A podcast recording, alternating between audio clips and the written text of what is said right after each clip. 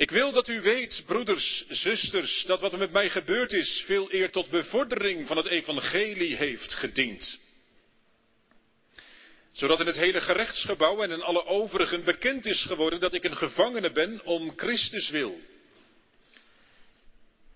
En dat het merendeel van de broeders in de Here door mijn gevangenschap vertrouwen heeft gekregen om het woord nog overvloediger, onbevreesd te durven spreken. Sommigen prediken wel Christus uit afgunst en ruzie, maar anderen ook uit welwillendheid. De eersten verkondigen Christus wel uit eigen belang, niet zuiver, met de bedoeling aan mijn gevangenschap verdrukking toe te brengen, maar de laatsten uit liefde, omdat zij weten dat ik tot verdediging van het evangelie aangesteld ben. Maar wat dan nog? Toch wordt Christus op allerlei wijze verkondigd. Of het nu als een voorwendsel is of in waarheid, en daarover verblijd ik mij, ja, zal ik mij ook verblijden. Want ik weet dat dit mij tot zaligheid strekken zal door uw gebed en de ondersteuning van de geest van Jezus Christus. Overeenkomstig mijn rijkhalzend verlangen en hoop dat ik in geen enkel opzicht beschaamd zal worden, maar dat in alle vrijmoedigheid, zoals altijd, Christus ook nu groot gemaakt zal worden in mijn lichaam, of het nu door het leven is of door de dood. Want het leven is voor mij Christus en het sterven is voor mij winst. Maar blijf ik leven in het vlees, dan betekent dit voor mij vruchtbaar werk. En wat ik verkiezen zal, weet ik niet. Want ik word door deze twee gedrongen. Ik heb de begeerte om heen te gaan en bij Christus te zijn. Want dat is verreweg het beste. Maar in het vlees te blijven is noodzakelijker voor u. En dit vertrouwen weet ik dat ik zal blijven leven en bij u allen zal blijven tot uw vordering en blijdschap van het geloof. Opdat uw roemen in Christus Jezus overvloedig is door mij, door mijn hernieuwde aanwezigheid bij u. Tot zover de lezing van het woord van God.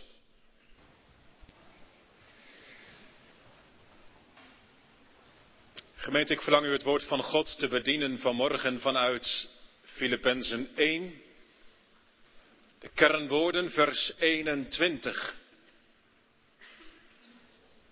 Want het leven is voor mij Christus en het sterven is voor mij winst. Waar leef je voor?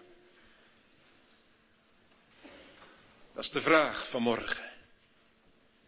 En de twee aspecten van de preek kunt u zo uit de tekst opmaken, dat voelt u wel aan. Het leven is voor mij Christus, vers 21a. En daar komt ook vers 19 en 20 mee.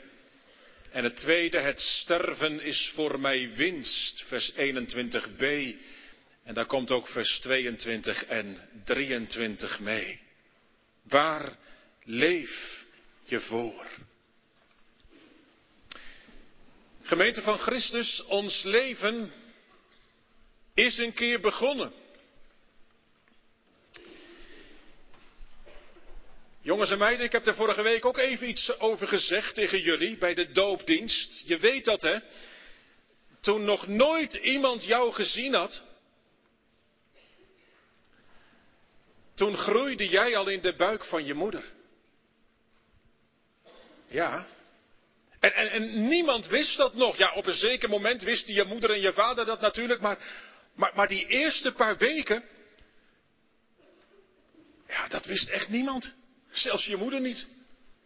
Misschien voelde ze wel iets langzaam dat ze dacht, nou, nou.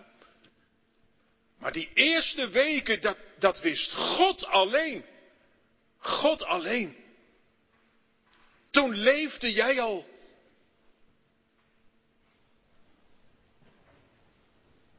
Jongeren, ons leven kent een begin. Dat eerste moment als eicel en zaadcel samensmelten. Daar begint ons leven. Nee, niet omdat je vader en je moeder elkaar toevallig een keertje tegenkwamen. Of wat langer. Nee, in Gods gedachten was je al veel eerder bekend. Voordat jij bestond. Kende hij je naam. Jouw leven kent een begin. Maar jouw leven stopt nooit.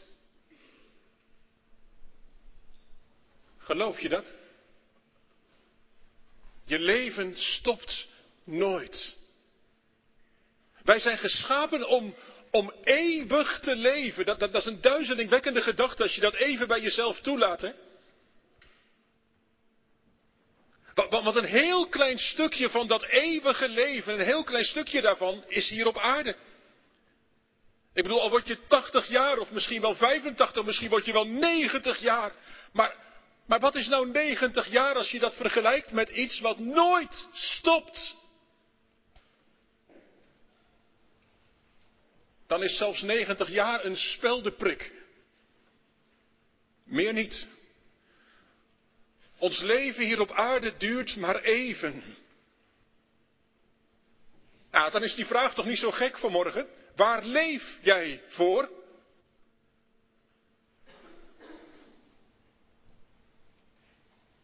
Lastige vraag, zeg je misschien. Nou, laat ik het iets anders vragen. Wat stempelt jouw leven?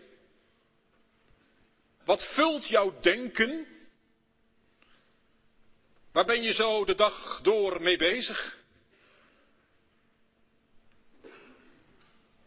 Ik dacht zo, stel je voor dat je die vraag op een groot billboard ziet, hè? Als je ergens door een winkelcentrum loopt of zo, opeens zo'n groot billboard. Waar leef jij voor? Wat zou je doen? Loop je de schouder ophalend langs heen? Dat zou kunnen, hè? Omdat je er gewoon niet over nadenkt. Je bent er niet mee bezig. Kan ook nu, hè, dat je denkt, nou ja, zo'n vraag, ja. alles hier op aarde eist jouw aandacht op, hè, voortdurend al die berichtjes die binnenkomen via je smartphone. Je wordt alle kanten opgetrokken en, en je geniet van het leven. Nou ja, dat mag toch ook, hè. En je probeert het te zijn voor je vrienden en je wilt erbij horen, natuurlijk. Wie niet? Wie niet? Je wilt erbij horen.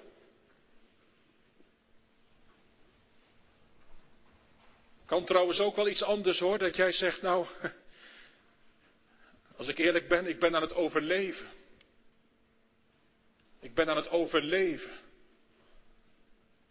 Voor steeds meer mensen lijkt dat zo te zijn. Jongeren, ook wel ouderen. Ik ben aan het overleven. Omdat het leven je zwaar valt. Te zwaar. Waar leeft u voor? Niet zo lang geleden zag ik het een keer op een rouwkaart staan. Haar leven was dienen.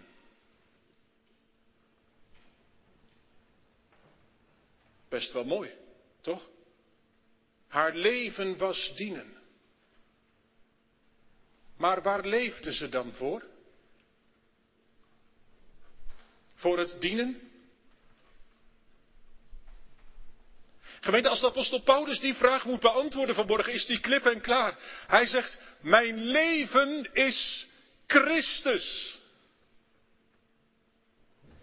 Het leven is voor mij Christus.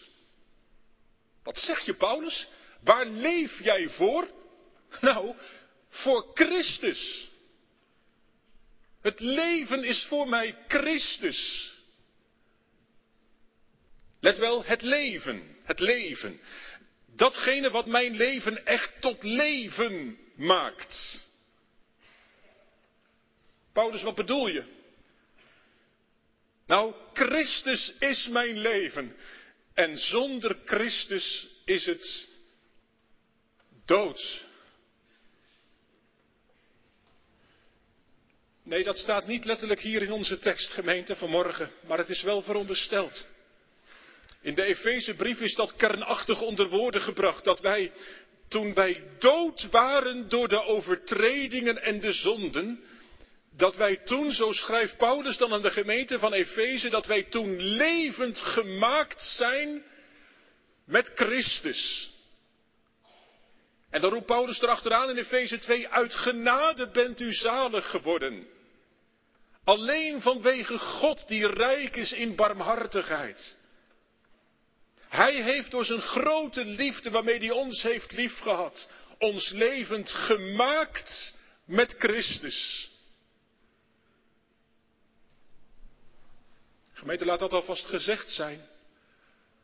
Als u levend gemaakt bent met Christus, dan hebt u voedsel nodig. En dat voedsel, dat deelt de Heere mede uit. In de tekenen van brood en wijn aan het heilig avondmaal.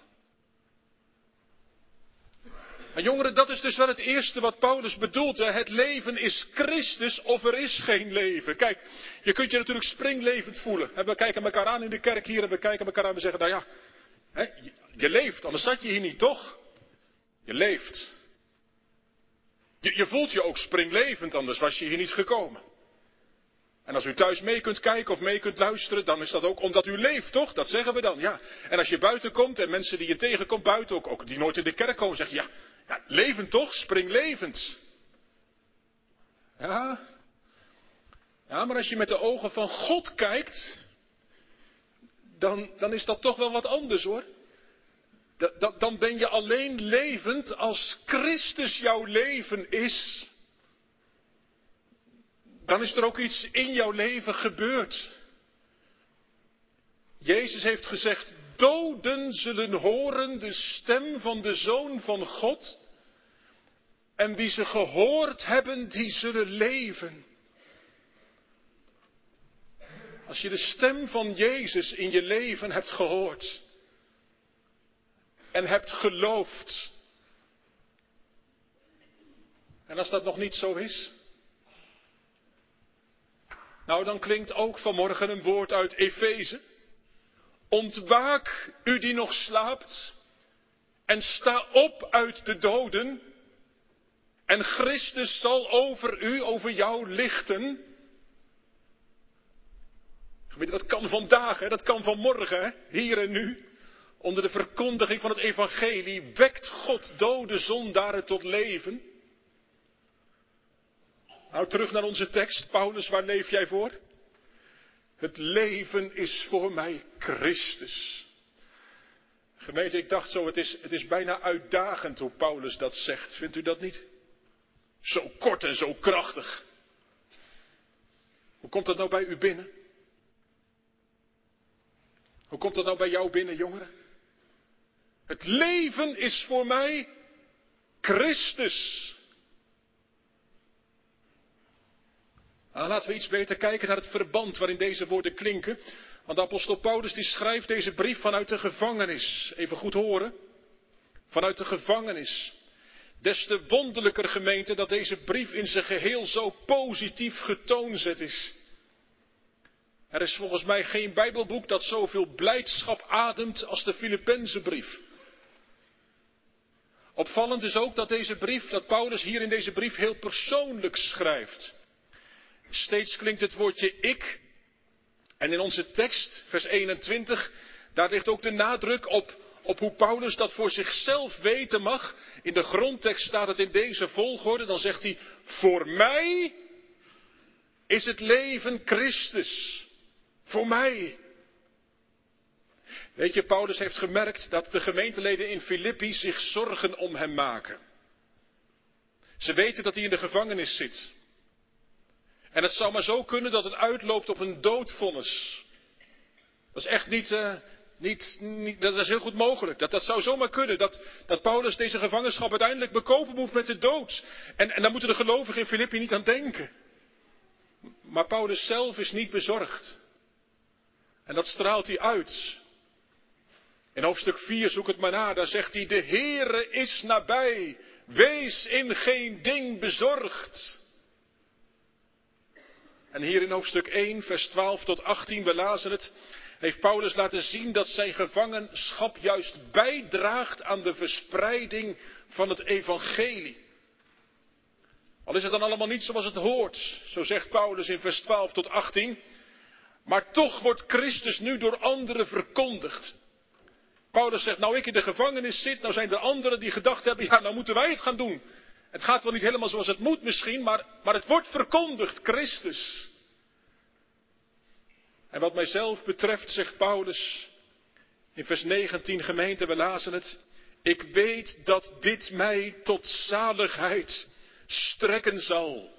Dit, mijn gevangenschap. Ik weet dat dit mij tot zaligheid strekken zal. Gemeente heel veelzeggend. Als je deze woorden wat bestudeert, dan kom je erachter dat Paulus citeert vanuit het Bijbelboek Job. Via de Septuaginta, de Griekse vertaling van het Oude Testament. Op de een of andere manier heeft, heeft Paulus iets herkend van Job. Job, u kent Job toch? Die leider vanuit het Oude Testament met een lange ei. Paulus heeft iets herkend van de aanvechting van Job. Van de strijd van Job. Ja, nu zit hij zelf in de gevangenis. Maar, maar ook van zijn geloofsvertrouwen. Weet u wel wat Job riep? Ik weet, mijn verlosser leeft. Er staat in Job 13. Ook zal hij, de Heere, mij tot verlossing zijn. En dat herkent Paulus nu. Ook zal hij mij tot verlossing zijn. De weg die God met mijn leven gaat, zegt Paulus, is een weg die tot zaligheid strekken zal. Dat weet ik, zegt Paulus in vers 19. En twee dingen dragen, dragen daaraan bij. U ziet het in het slot van vers 19. Paulus zegt, door uw gebed en de ondersteuning van de geest van Jezus Christus. Mooi hè? Dat gaat dus blijkbaar samen op het gebed van de gemeente en de ondersteuning door de geest van Jezus Christus. Ik las ergens gemeente, voorbeden doen is meeregeren met Christus. Voorbeden doen is meeregeren met Christus. En via dat gebed van de gemeente is, is, Paulus, is het voor Paulus merkbaar dat, dat de geest van Jezus Christus hem ondersteunt. Dat staat er. Blijkbaar zijn die twee verbonden. De, geest van Christus die dringt tot gebed. En, en, en, en, die geest van Jezus Christus die wordt ook ontvangen op het gebed. Gemeente, wat een reden om voor elkaar te bidden. Minder praten misschien over elkaar, maar veel meer bidden voor elkaar in de gemeente. Voor ambtsdragers en als ambtsdragers voor de gemeente. Het, het gebed is het middel waardoor de geest ondersteuning geeft. En, en zo is er bij Paulus rust, verwachting, uitzicht. Al zit hij in de gevangenis, hij zegt het in vers 20, kijkt u maar. Daar heeft hij het over rijkhalzend verlangen en hoop. Rijkhalzend verlangen. Dat heeft iets in zich van vurig uitzien. Er staat letterlijk dat Paulus zijn gezicht naar voren strekt. Zo, zie ik hem al? Zoiets. En, en het woordje hoop in vers 20, dat ademt rustig vertrouwen. Hoopvol leven. Ik blijf de Heere verwachten. Hoop. Nou gemeente, ook die twee gaan dus samen. Hè? Gespannen uitzien, er staat rijkhalzend verlangen en hoop, rustig vertrouwen. En, en wat is dan Paulus' verwachting? Waar gaat het hem om? Nou, dat staat midden in vers 20 en dat is zo kernachtig, moet u kijken. Midden in vers 20. Paulus, waar leef je voor? Hij zegt dat Christus ook nu groot gemaakt zal worden. Nee, het gaat Paulus niet om zijn eigen hachje. Niet om zijn toekomst hier op aarde. Niet om zijn gemak, niet om zijn geluk, niet om zijn gezondheid. Nee, dat Christus ook nu groot gemaakt zal worden. Gemeente, even pas op de plaats. Waar gaat het ons om? Als gemeente van Christus in Oud-Beierland. Als er een beroep wordt uitgebracht op dominee Emaus. Als uw eigen predikant beroepen ontvangt. Waar gaat het u om? Als u zo uw gedachten erbij hebt. Ook veel breder, veel meer. Uw leven, uw gezondheid. Als je ziek bent, als je tegenslag ervaart. Waar gaat het ook ons om? Dat, dat Christus, zegt Paulus, ook nu groot gemaakt zal worden. Ook nu. Is dat wat ons ten diepste drijft? Is dat wat onze gebeden stempelt? Is dat wat jou voor ogen staat bij de keuzes die je maakt in het leven? Bij de manier waarop je de tijd inricht in je leven, ook als je tegenslag ondergaat? Dat Christus ook nu groot gemaakt zal worden? Ja, zegt Paulus erbij, of het nou door het leven is of door de dood. Nou, me dunkt, gemeente. Of ik nou blijf leven, zegt Paulus, of dat ik sterven moet. Als Christus ook nu maar groot gemaakt wordt. Jongeren, kom, wat is jouw grootste wens? Wat is je diepste verlangen? Laten we eerlijk zijn. Van huis uit verlangen wij er niet naar om Christus groot te maken. Van huis uit draait alles om ons eigen ik. Dat kan zijn in een drang naar geld, naar carrièrezucht, waarvoor je uiteindelijk alles opzij zet. En dat je zo moe bent dat je geen Bijbel meer kunt lezen door de week en op zondag alles moet inhalen. En dat er eigenlijk ook geen tijd overschiet voor bewuste geloofsopvoeding in je gezin. Alles draait om ons eigen ik, om het hier en nu. Kan ook heel godsdienstig gemeente. Dat je met al je kerkelijke activiteiten alleen maar met jezelf bezig bent. Je bouwt aan je eigen persoon. Kan ook als ambtsdrager hoor. Je bouwt hè. Hoe je de dingen doet. Aan je eigen leven, aan je eigen kerk, aan je eigen, nou ja, noem het maar op. En, en je bent niet met lege handen aan de voeten van de Heer Jezus Christus terechtgekomen. Aan de voet van het kruis. Gemeente, dan is er geen plaats voor je aan de avondmaalstafel.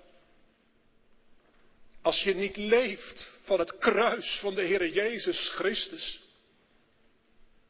Want, daar aan het avondmaal kom je alleen met lege handen.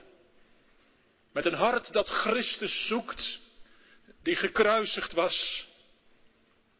Kom, waar leef je voor? Paulus roept het met andere woorden uit in de Galatenbrief. Hij zegt niet meer ik leef, maar, maar Christus leeft in mij. Ja, dan zegt hij erbij, ik ben met Christus gekruisigd. Dat is blijkbaar de weg. Zijn eigen ik heeft de doodsteek gekregen. Toen en daar op Golgotha, toen is Christus voor mij aan het kruis gegaan. Maar toen is ook mijn eigen ik eraan gegaan. Dat gaat altijd samen op. Christus voor mij aan het kruis, voor mijn zonde, voor mijn schuld, maar ook ik, mijn zondige ik. Dan sterft mijn ik met Christus. En dat is een doorgaand iets, gemeente, jongeren. Paulus zegt ergens, moet je eens over nadenken, Paulus zegt ergens, ik sterf alle dagen. Ik sterf alle dagen. En weet je, wie sterft terwijl die leeft, die zal leven als die sterft. Dat zal ik nog een keer zeggen. Wie sterft terwijl die leeft, die zal leven als die sterft. Hoe zegt Paulus het in het begin van onze tekst? Het leven is voor mij Christus. Paulus weet ervan dat hij is losgesneden van zijn oude leven, van Adam. En is ingeplant in Christus. Heel zijn bestaan wordt gestempeld door de Heer Jezus Christus. En begrijp me goed, jongeren, ouderen, begrijp me goed. Dat is met vallen en opstaan. Er zit nog steeds die oude mens die naar beneden trekt, jawel. Maar er is ook die opwaartse kracht, waardoor wij zoeken de dingen die boven zijn. Het leven is voor mij Christus. Let wel, het leven. Het leven. Dus Paulus heeft Christus niet als een soort garantie voor als die sterft.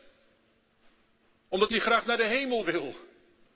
Nee, nee, het leven is voor mij Christus. Het gaat over nu. Paulus gaat op in zijn Heere en Heiland. En gemeente, wat dat betekent, ah, dat blijkt uit zoveel teksten in de Bijbel, maar ik beperk me vanmorgen tot de Filippenzenbrief. Moet ik eens een paar teksten horen. Filippenzen 4, vers 13. Paulus, wat betekent het nou, leven Christus? Nou, dit zegt Paulus. Alle dingen zijn mij mogelijk door Christus die me kracht geeft. Paulus, wat betekent het nog meer als Christus je leven is? Nou hoor, zegt Paulus, hoofdstuk 2, vers 5. Dan is die gezindheid in je, die ook in Christus Jezus was. Een gezindheid van zelfverloochening, van kruisdragen. Paulus, wat betekent dat nog meer als Christus jouw leven is? Nou hoor eens, hoofdstuk 3, vers 9. Dan verlang je ernaar dat ik in Christus gevonden word. Dat ik Hem mag kennen, nog meer. Wat nog meer, Paulus, als Christus je leven is? Nou, hoofdstuk 3, vers 1, 4, vers 4. Verblijd je altijd in de Heere. En ah, dan bedoelt Paulus de Heere Jezus. Blijdschap in de Heere. Jongeren, dat is het christenleven hoor. Blijdschap in de Heer. Als Paulus zegt, voor mij is het leven Christus, dan is dat de reden waarom deze brief zoveel blijdschap ademt. Een christen, die heb ik niet van mezelf, die heb ik van een uh, 17, 18-jarige een keer. Een christen heeft altijd een binnenpretje.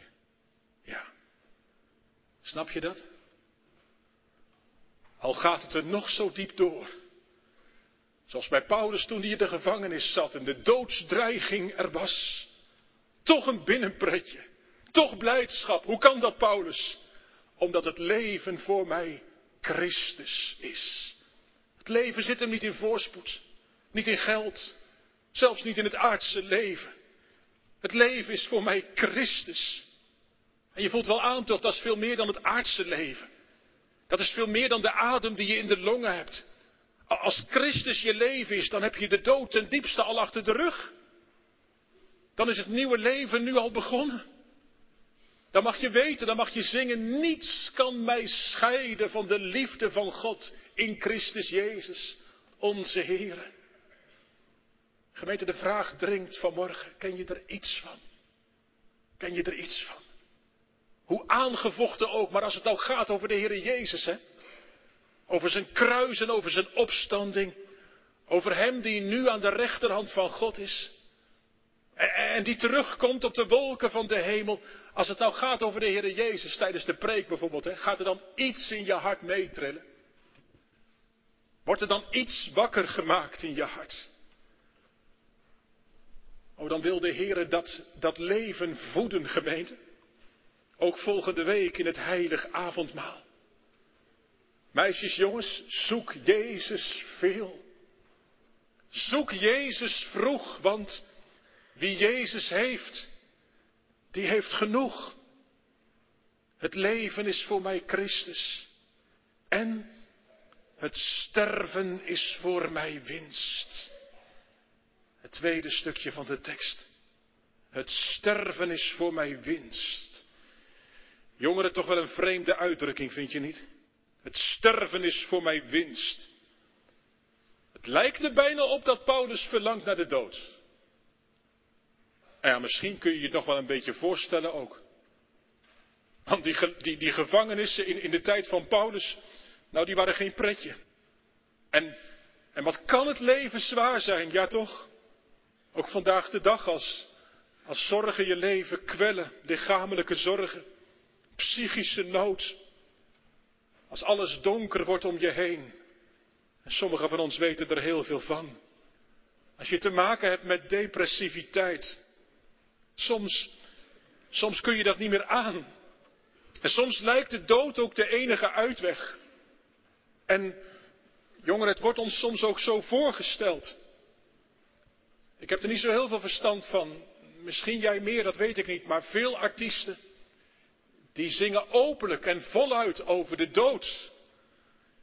En, en dan vooral de dood als een verlossing, als een vriend. Dat de dood een uitweg zou zijn voor de ellende die je hier op aarde kunt ervaren. Zo spiegelt de duivel je dat graag voor. Maar ik bid je vanmorgen, laat je niet benevelen. Want de dood is geen bevrijder. Alleen Jezus Christus verlost. De dood is een laatste vijand. De dood is gevolg van onze zonde. En, en wie buiten de Heer Jezus de dood ingaat, die komt om. Dan leef je verder in de eeuwige verlorenheid. Dat noemt de Bijbel de hel. Ik weet niet wat de hel is, jij ook niet. Maar als je er iets over zou kunnen zeggen, dan is het dit, dat je dan graag wilt sterven, maar dat je niet meer sterven kunt. Dat is de hel. Gemeente, sterven, dat betekent God ontmoeten. En als je dat bedenkt, Paulus, Paulus, weet je eigenlijk wel wat je zegt, man? Paulus, wat bedoel je nou eigenlijk als je zegt het sterven is voor mij winst? Ben je levensmoe, Paulus? Nee, zegt Paulus. Nee, niet levensmoe. Maar wel, wel de zonde moe. Dat wel. De zonde moe. Want, want hier leef ik voor, dat Christus groot gemaakt wordt. Maar het is hier op aarde zo beneden de maat. Mijn zondige ik gaat er zo vaak tegen in. Paulus weet, gemeente, dat het hier beneden nog tobbe is. Strijd met je ongeloof, met je twijfels, met je zondige verlangens. En, en daarom roept hij het uit, hij zingt het uit. Het sterven is voor mij winst. Wat is die winst dan? Nou, kijkt u mee in uw Bijbel, want dan kunt u het uit uw Bijbel zien. Vers 22. Blijf ik leven in het vlees, zegt Paulus, dan betekent dit voor mij vruchtbaar werk. Met andere woorden, dan wil ik God dienen en u dienen de mensen. Maar wat zegt Paulus dan in het slot van vers 22? Wat ik verkiezen zal, ik weet het niet. Want ik word door deze twee gedrongen. Ik heb het verlangen om heen te gaan en bij Christus te zijn. Want dat is verreweg het beste. Bij Christus te zijn, dat is verreweg het beste. Dus wat is de winst die bij het sterven behaald wordt? Dat is bij Christus te zijn. U zegt misschien, is dat er nu dan nog niet? Jawel. Ook hier op aarde mag een christen weten dat Christus met je is. Maar gemeente, dat is een weten door het geloof. Vaak tegen de klippen van de ervaring op. Vaak tegen de golven van de aanvechting in. Vaak in de worsteling ook. Waar bent u, heren? Terwijl je de strijd hebt te voeren met je zondige bestaan. Terwijl je met de gevolgen van de zonde kunt worstelen. Ik bedoel ziekte en, en psychische nood. En, je zou er moedeloos van kunnen worden. Maar gemeente, dan wil de Heilige Geest je vanmorgen terugbrengen. Hier bij dit woord van Paulus. En um, volgende week wil hij er ook van verzekeren met de tekenen van brood en wijn. Opdat je het zult weten. Weten op grond van Gods belofte, dat niets je scheiden zal van de liefde van God in Christus Jezus, onze Heer. En dat is nu een weten in geloof, aangevochten, bestreden, jawel. En straks, straks zal het voller zijn, volkomener. En dat zegt Paulus, dat is verreweg het beste. Straks met Christus te zijn. Jongeren, dat is dus de hemel, hè? Ik weet ook niet precies hoe de hemel eruit ziet. Maar dit wel. De hemel is dat je met Christus bent. Verlang jij naar de hemel? Dit is de hemel, hè? Met Christus zijn. Het leven is voor mij Christus. Het sterven is voor mij winst. Gemeente in die volgorde. Als het leven voor mij Christus is, dan is mijn sterven winst. Ah, dan leef je nu al met Christus. En dan is je sterven een doorgang naar het eeuwige zalige leven. En dat is wat Paulus voor ogen heeft. Het, sterven is voor mij winst. Gemeente, dus geen tegenstellingen. Heb je het in de gaten? Zo werd het in de tijd van Paulus wel vaak voorgesteld en in onze tijd ook. Dat je hier op aarde ellende hebt en dat het sterven dan een bevrijding zou zijn euthanasie, goede dood, letterlijk. En dan hoor je soms zeggen, gemeente, eindelijk is ze van haar lijden verlost. Soms dan huiver ik bij die woorden. Begrijpt u dat? Want als Christus nou niet je leven was, dan is het sterven geen verlossing. Jongeren, leg daar je hart naar van, naast vanmorgen. Ouderen, u ook. Is uw leven Christus? Is de Heer Jezus levende werkelijkheid voor je? Heb je voor al je zonde, voor al je ikgerichtheid, verzoening, het leven gevonden? Dan is je sterven een doorgang. Een doorgang naar het eeuwig zalig leven. Gemeente, moet u horen. Vaak denken wij dat bij het lichamelijke sterven dan de eigenlijke overgang plaatsvindt. Maar dat is voor een kind van God niet het geval. Een kind van God mag weten dat hij de dood al achter de rug heeft. Ja, toen en daar op Golgotha, toen Christus stierf, toen is ook mijn zondige ik gestorven. En vanaf dat moment dat Christus in mijn leven kwam, is het eeuwige leven begonnen. En dat eeuwige leven, jongeren, dat stopt nooit. Nooit. Als Christus jouw leven is, dan is het eeuwige leven hier en nu begonnen om nooit meer te eindigen. En dan is het sterven, ik zeg het nog een keer, een, een doorgang om eeuwig met Christus te zijn. O nogmaals, verstaat u mij goed. De dood wordt nooit een goede vriend. Paulus blijft het een laatste vijand noemen. Ook voor een gelovige is de dood omgeven door iets angstaanjagends, dreigends. En je kunt er niet voor wegkijken. De dood is ontbinding, het gevolg van onze zonde, teken van onze afbraak, verlorenheid. En toch, Christus heeft de dood overwonnen. Hij heeft het eeuwige leven aangebracht. Jongeren, het deed mij denken aan de stormkaap. Heb je daar wel eens van gehoord? Dat is het meest zuidelijke puntje van Zuid-Afrika. En zeelieden waren in vroegere eeuwen uitermate bang om voorbij die kaap te varen. Ze waren bang om schipbreuk te lijden, want er was nog nooit iemand levend teruggekomen, dachten ze. En uh, op een zeker moment was er toch iemand die het weer ging, ging proberen. Die dacht, ja maar het, moet toch kunnen. En, en, uiteindelijk was er dus iemand die het aandurfde om, om onder dat zuidelijkste puntje van Zuid-Afrika door te varen. En, en het ging goed. En, zo hebben ze de rijkdommen van Indië ontdekt. En weet je, vanaf die tijd wordt de zuidpunt van Zuid-Afrika Kaap van Goede Hoop genoemd. Dus geen stormkaap, maar Kaap van Goede Hoop. En weet je, zo is het nou ook met de dood.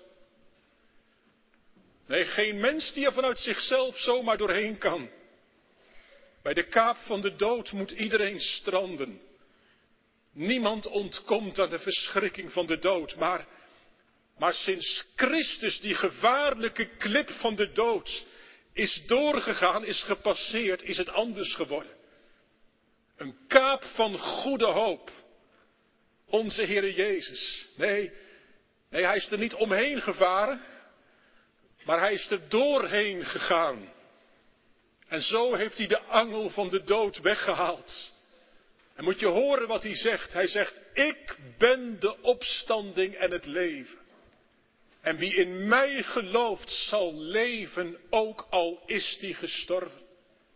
En wie leeft, ook als u thuis meekijkt, meeluistert, wie leeft en in mij gelooft, zal niet sterven in eeuwigheid. Gelooft u dat? Gelovigen sterven niet, zegt de Heer Jezus. Een kind van God ontslaapt. Wie met geloofsogen op de Heer Jezus ziet, die wordt in het sterven opgevangen. Opgehaald hier beneden en, en thuis gebracht boven. Want Christus is afgedaald in onze verlorenheid.